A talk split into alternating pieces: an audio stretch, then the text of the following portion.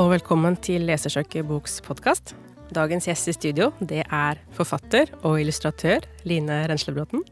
Hei og velkommen, Line. Tusen takk. Veldig hyggelig å være her, altså. Ja. I dag så skal vi snakke litt om eh, den nye boka di, 'Dyr som gjemmer seg'. Mhm. Men først så tenkte jeg kanskje at du kunne fortelle lytterne våre litt om din bakgrunn. Mm. Eh, jo, jeg er jo da fra Asker. Eh, har egentlig tegnet og skrevet så lenge jeg kan huske. Eh, da jeg var liten, så hadde jeg og bestevenninnen min vi, vi hadde et eget sånt bibliotek. Så det var liksom hobbyen vår å lage bøker, og så stifta vi de sammen. Eh, Det var faktisk overraskende mye sakprosa der, om dinosaurer og andre land og sånn. Det var litt slett research, eh, tror jeg, for jeg tror vi tok det meste fra vårt eget hode. og så har jeg liksom gått tegning for farge og Einar Granum kunstskole, og så eh, litt kunsthistorie på universitetet, og så litt pedagogikk. Og så har jeg tre år på faglærer i kunst og håndverk. Så det er jo formidling for barn jeg egentlig har drevet eh, mest med, da. Jeg har eh, vært museumspedagog på Henny Onstad-senteret, hatt sånn barneverksted i kjelleren der. Så har jeg jobbet elleve år som faglærer i kunst og håndverk, da. Så eh, jeg ser vel kanskje mest på meg selv som formidler, da. Det sitter litt langt inne å si sånn Jeg er forfatter, liksom. det høres ut som du er liksom Ja, sånn eh, Høres veldig voksent ut, da. Veldig sånn alvorlig.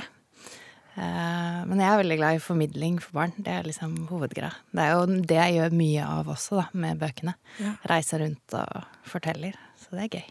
Men du er jo forfatter, for du har jo gitt ut ganske mange bøker nå. Jeg har Eh, blitt syv stykker nå, altså.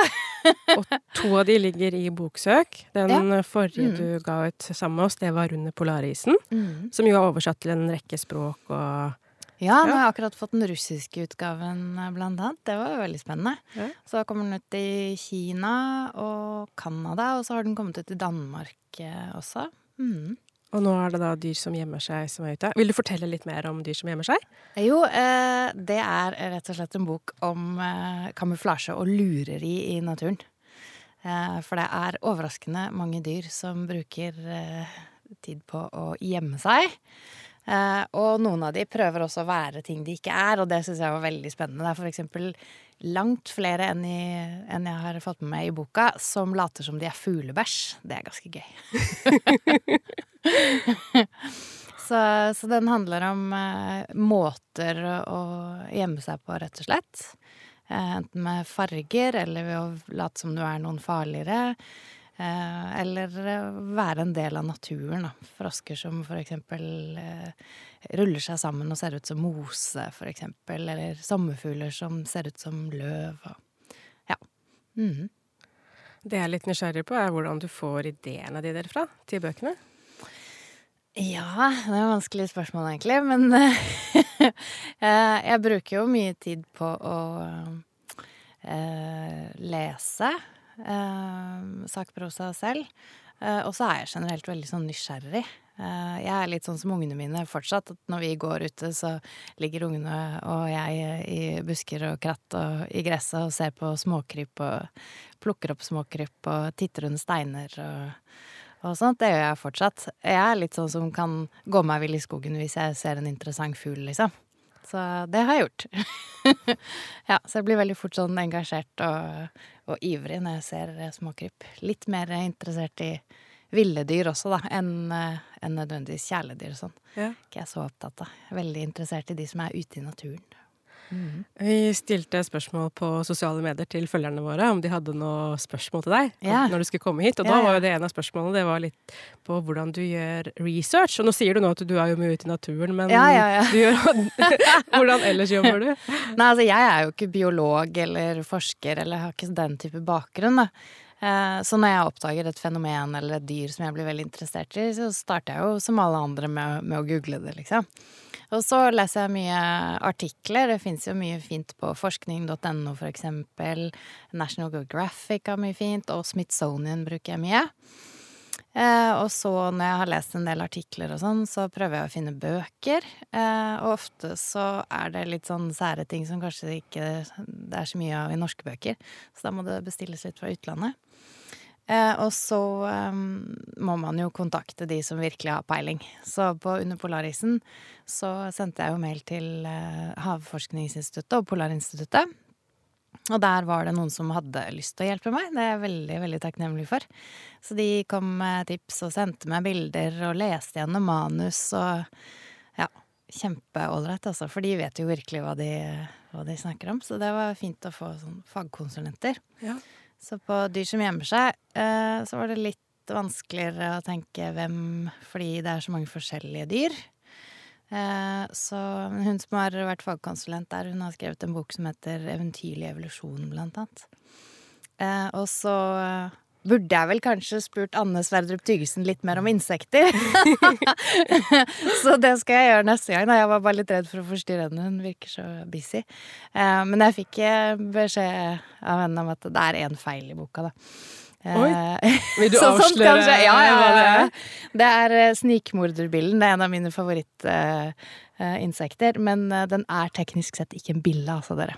Ah. Så i neste opplag så skal det stå snikmorderinsekt. For teknisk sett så er den en TG isteden.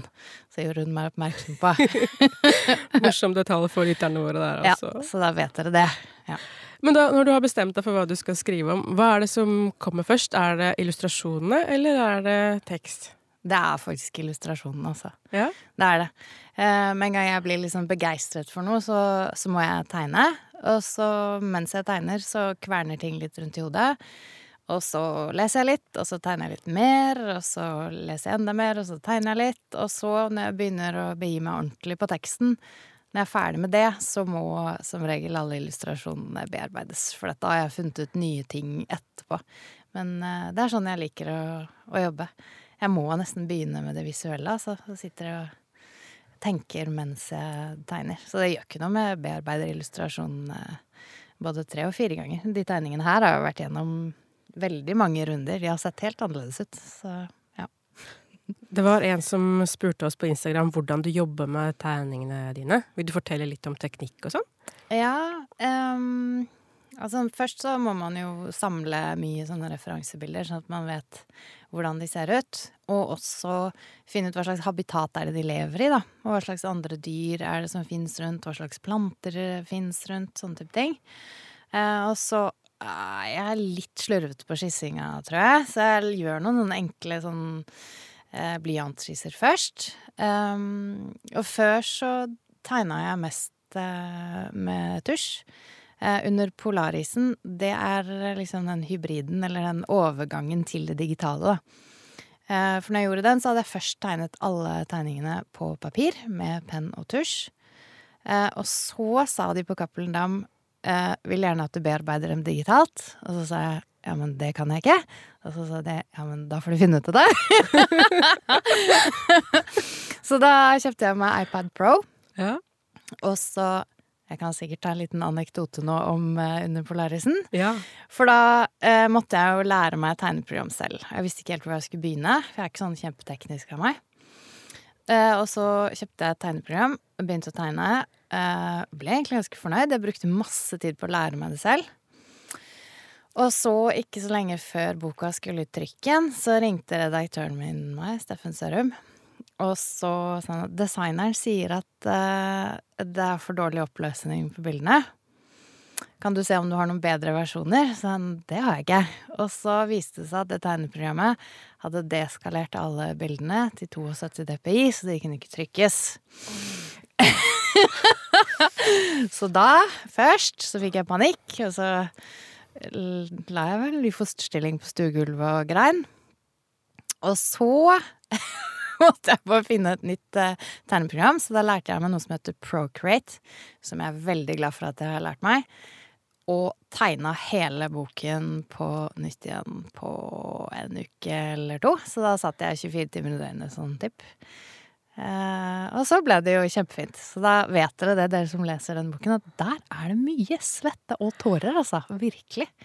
Men uh, det ble jo en utrolig bratt læringskurve, da. Så nå eh, Ja. Og jeg elsker det tegnprogrammet nå. Ja. Det er helt fantastisk. Jeg har lært meg det meste selv der, gjennom forskjellige sånne læringsapper og sånn. Så det var hybriden. Så der er det en blanding av uh, av eh, blyant og tusj og sånn. Og så på dyr som gjemmer seg, så er det heldigitalt. Det er tegna på iPaden min, rett og slett. Altså. Ja. Mm. Men så er det teksten som skal på plass. Ja. Du er jo her i dag fordi boka er støttet av Lesersøk i bok, Ja. og vi har bistått da med arbeidet med tekst, blant annet. Mm. Vil du fortelle litt om hvordan du har jobbet med teksten, og hvordan eh, samarbeidet med oss har vært? Ja. Eh, jeg visste ikke helt hva jeg gikk til med Hunder på lærerisen Eh, jeg tenkte nok at å, dette skal gå kjempegreit. Hvor vanskelig kan det være å skrive enkelt, liksom? Ja. Og så er det helt utrolig komplisert. Og jeg må si at den prosessen med lesersøkebok er den prosessen jeg har lært mest av sånn skriveteknisk, altså.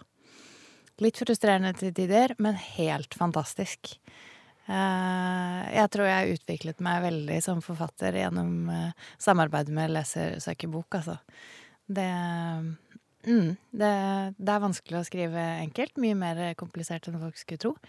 Å få på plass eh, setninger som eh, fungerer på en fin måte. Med få ord og ikke opphopning av småord og ikke opphopning av lange ord og aktive setninger! aktive setninger, ja. Ja. Mm. Så det må jeg si har vært helt fantastisk. Um, og så bestemte jeg meg for at uh, jeg har litt lyst til å skrive på den måten. Så da søkte jeg en gang til med Dyr som gjemmer seg, og samarbeidet enda en gang. Uh, ja, og lært enda mer. Ja. Og nå er det to bøker som da ligger i boksøkt. ja, sant? uh, jeg har fått inn enda et spørsmål. Det har vært mange spørsmål fra Oi, sosiale spennende. medier. Ja. Og det er hvordan startet den fascinasjonen din for dyr og natur og miljø? Ja, si det. Uh, ja, som sagt, så har jeg alltid vært interessert i dyr, og alltid vært veldig nysgjerrig. Og så har jeg hatt eh, foreldre som har vært veldig flinke på å ta meg med ut i naturen, og mye rundt på museum. Eh, det var liksom sånn på søndagen at vi enten så var vi på tur i skogen, eller så var vi på et eller annet museum. Så vi var blant annet en del på Naturhistorisk museum. Så jeg ble veldig eh, fort fascinert av det. Og så starta det vel egentlig mest med fugler. Jeg har alltid hatt litt sånn fugledilla, veldig sånn fascinasjon for fugler. Sittet mye på hytta og pugget fugleboken og funnet ut hvordan, hva slags lyder de lager og sånn. Og så mm, da jeg gikk på Einar Granum kunstskole, da jeg var sånn 20, så hadde jeg en hel utstilling på den guatemalske ambassaden med tegninger og malerier av quetzalfuglen. det er da Guatemalas nasjonalfugl. Myntenheten heter også quetzal. Eh, det er også yndlingsdyret mitt, hvis det var noen som lurte det. Det er quetzalfugl, som også er et veldig fint ord, da. Eh, og det er eh, en sånn smaragdgrønn eh, fugl med en sånn liten grønn hankam og to meter lange halvfjær. Kan i hvert fall bli to meter lange, siste. Det, det er også frihetssymbolet til maya-indianerne. Og jeg dro faktisk ned for å finne quetzalfuglen, altså. Fant du den? Eh, ja, i et fuglereservat. Jeg hadde jo håp om å treffe på den ute, ute i eh, regnskogen, men det gjorde jeg ikke. Men jeg flytta ned til Mexico for å holde på med et sånt prosjekt om quetzal og en gud som heter Quetzalcoatl. Så dro vi ned til Guatemala, da, og inn i regnskogen for å prøve å finne den. Så fugler er, er vel egentlig svaret. Det var også den første sakprosa-boken jeg skrev. Fugler, fakta og fortellinger. Mm. Ja. Fantastisk. Eh, Vi snakket litt om det på kontoret tidligere i dag, at um, eh, et dyr vi syns Eller eh, noen dyr vi syns du er veldig flinke til å tegne, det er insektene. Um, at det er et eller annet spesielt med de. Ja. Men uh, underveis i boka, fikk du noen sånne favoritter blant de du eh, lærte noe om? Mm, og vanskelig. De er så forskjellige og så kule. Eh, som sagt, de der eh, fuglebæsjfroskene og insektene er veldig tøffe. Eh, men det som kanskje overrasket meg mest, var den eh, imitatorblekkspruten. Som både kan skifte farge og liksom skifte form, på en måte. At den kan etterligne 15 andre forskjellige dyr. Det er nesten litt sånn magisk, egentlig. Og så er jo jeg glad i ting som er litt ekle. Så den snikmorder-insektet, ikke billen, eh, er en av mine favoritter. Vil du vite hva den gjør? Ja, klart du vil det! Den eh, angriper maur, og så suger den opp innholdet av mauren. Så lager den sitt eget lim, og så limer den alle disse likene av maurene opp på ryggen i en helt sånn svær haug. En sånn ryggsekk av døde maur. Så går den rundt og later som den er en flokk med maur, da, for at uh, fuglene ikke skal angripe den. Fantastisk. det er jo det. Det her må jo være sånne ting ungene syns det er spennende å høre om også, tenker jeg. Ja, sant? Ja. For du er jo ganske mye rundt å formidle bok, eller bøkene dine. Ja. Eh, Mm. Vil du fortelle litt om den formidlingsjobben du gjør? Jeg tror mange av lytterne våre er jo kanskje bibliotekarer Ja. og lærere som vil høre litt om du har noe tips og triks til hvordan Ja, formidle det er noe av det morsomste jeg gjør, er å reise rundt og formidle. Eh, og så liksom sette litt fokus på at sakprosa er kjempespennende. Sakprosa for barn eh, kan være superspennende, og det er veldig viktig. Eh, så det er viktig å formidle det på en litt sånn spennende måte. Eh, kanskje fortelle mer enn man leser, og eh, stille spørsmål. Eh, la dem undre seg litt, og høre litt på hva de vet fra før. Og eh, se på illustrasjonene sammen med dem og sånn. Under Polarisen så tenker jeg at eh, kanskje det er litt viktig å forklare først hva er et økosystem. Sånn at de får inn liksom den eh, forståelsen av det før de, før de leser. At alt er liksom avhengig av hverandre. Det tror jeg er viktig. Mm. Vi hadde en eh, lansering eh, hvor blant annet eh, forfatter eh, Ole Mattismoen var med forrige uke. Mm. Og han snakket mye om det om hvordan for at barn og unge skal få lyst til å ta vare på naturen, Mm. så må man også lære dem hvordan naturen fungerer. Ja. Og det syns jeg var veldig Ja. fint, eh, fint sagt og tenkt, da. Mm. Og det er vel litt sånn du jobber også, er det ikke det? Ja, ja. Det er jo akkurat det med, Ja. med liksom økosystem, å få den der undringen om hvordan alt uh, henger sammen. Mm. Rett og slett, altså. At, uh, og det henger sammen på, ofte på helt andre måter enn vi kanskje tenker oss. Jeg så en sånn dokumentar uh, her forleden om hvordan sanden i Sahara påvirker regnskogen i Amazonas, for eksempel. Da. At eh, med, med vinden og skyene og sånn, så, så eh, kommer det mange tonn med sand over til Amazonas-regnskogen hvert år. Og, og den trenger det, liksom. Og det er en sånn bevis på at verden henger sammen på helt andre måter enn vi klarer å tenke oss til selv, altså. Det er et eh, økosystem. Ja. Alt må på en måte være på plass. Alt er like viktig. Selv den minste lille edderkopp. Og nå er det jo også representert eh, i FNs bærekraftsbibliotek. Mm. Det er også veldig spennende. Et prosjekt som da tar for seg å snakke om eh, bærekraftsmålene gjennom litteratur. Mm.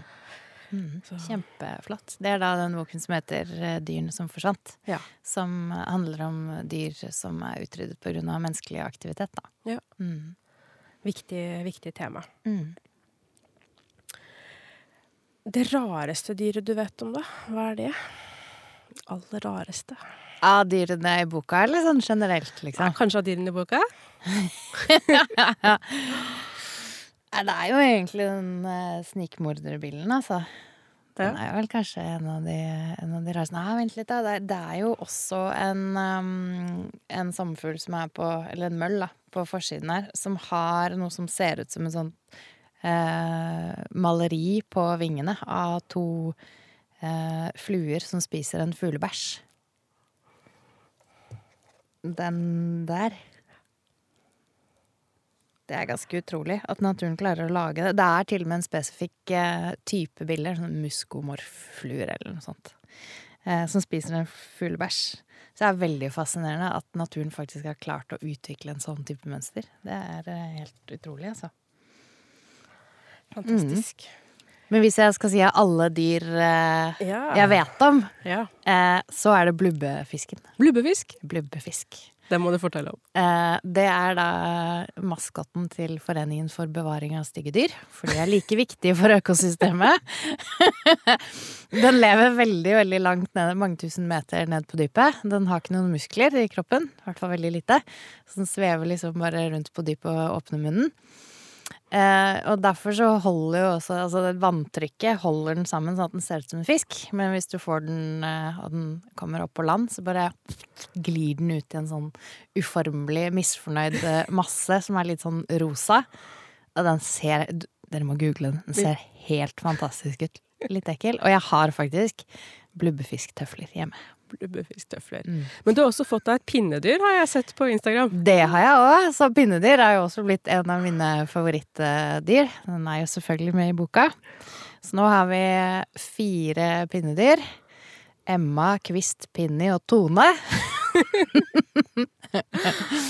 Så Emma skal være med litt rundt på turné og vises fram. Ja. Men uh, pinnedyr de eh, kan jo lage små kopier av seg selv. Så jeg vet ikke hvor mange vi kommer til å få etter hvert. Så hvis noen vil ha pinnedyr, så må de bare si fra. Da er det bare å sende en mail til Line, så kommer det pinne, pinnedyr eh, Yes. i posten. Mm. Du, har du lyst til å lese et lite utdrag fra boka for oss? Ja, Ja. det kan jeg gjøre. Skal vi se. Hvor skal vi begynne, da, tro? Kanskje jeg skal lese om eh, Mens du finner frem, så kan jeg jo si det at det som er så fint med denne boka her, er jo at man kan Man trenger jo ikke å lese den fra perm til perm. Man Nei, kan sant. bla i den og lese det man syns ser spennende ut. Og det er jo så fint da for våre målgrupper, at man kan velge seg ut noen dyr og lese mer, mer om. mm, Sant. Hvis man syns det blir for mye å lese gjennom en hel bok. Det er mye å velge mellom, altså. Vi kan lese om uh, fuglebæsjlarven. Ja, vær så god. Appelsintrærne i Mexico står i full blomst. På et av bladene ligger det en glinsende fuglebæsj. Bæsjen er hvit, brun og svart, og den syns godt på det grønne bladet. Men øyet lar seg lure, for egentlig er bæsjen en larve. Fuglebæsj kan nemlig være god kamuflasje. En dag skal larven bli en sommerfugl, men da må den unngå å bli spist. Larven spiser på bladet med god appetitt, og plutselig faller en skygge av en fugl over bladet. Larven krøller seg sammen og lar baken henge utenfor bladet. Nå ligner larven på en fuglebæsj som drypper ned. Æsj! Fuglen mister appetitten og flyr videre. Så det var fuglebæsjlarven, da. Så står det fakta på den andre siden, da.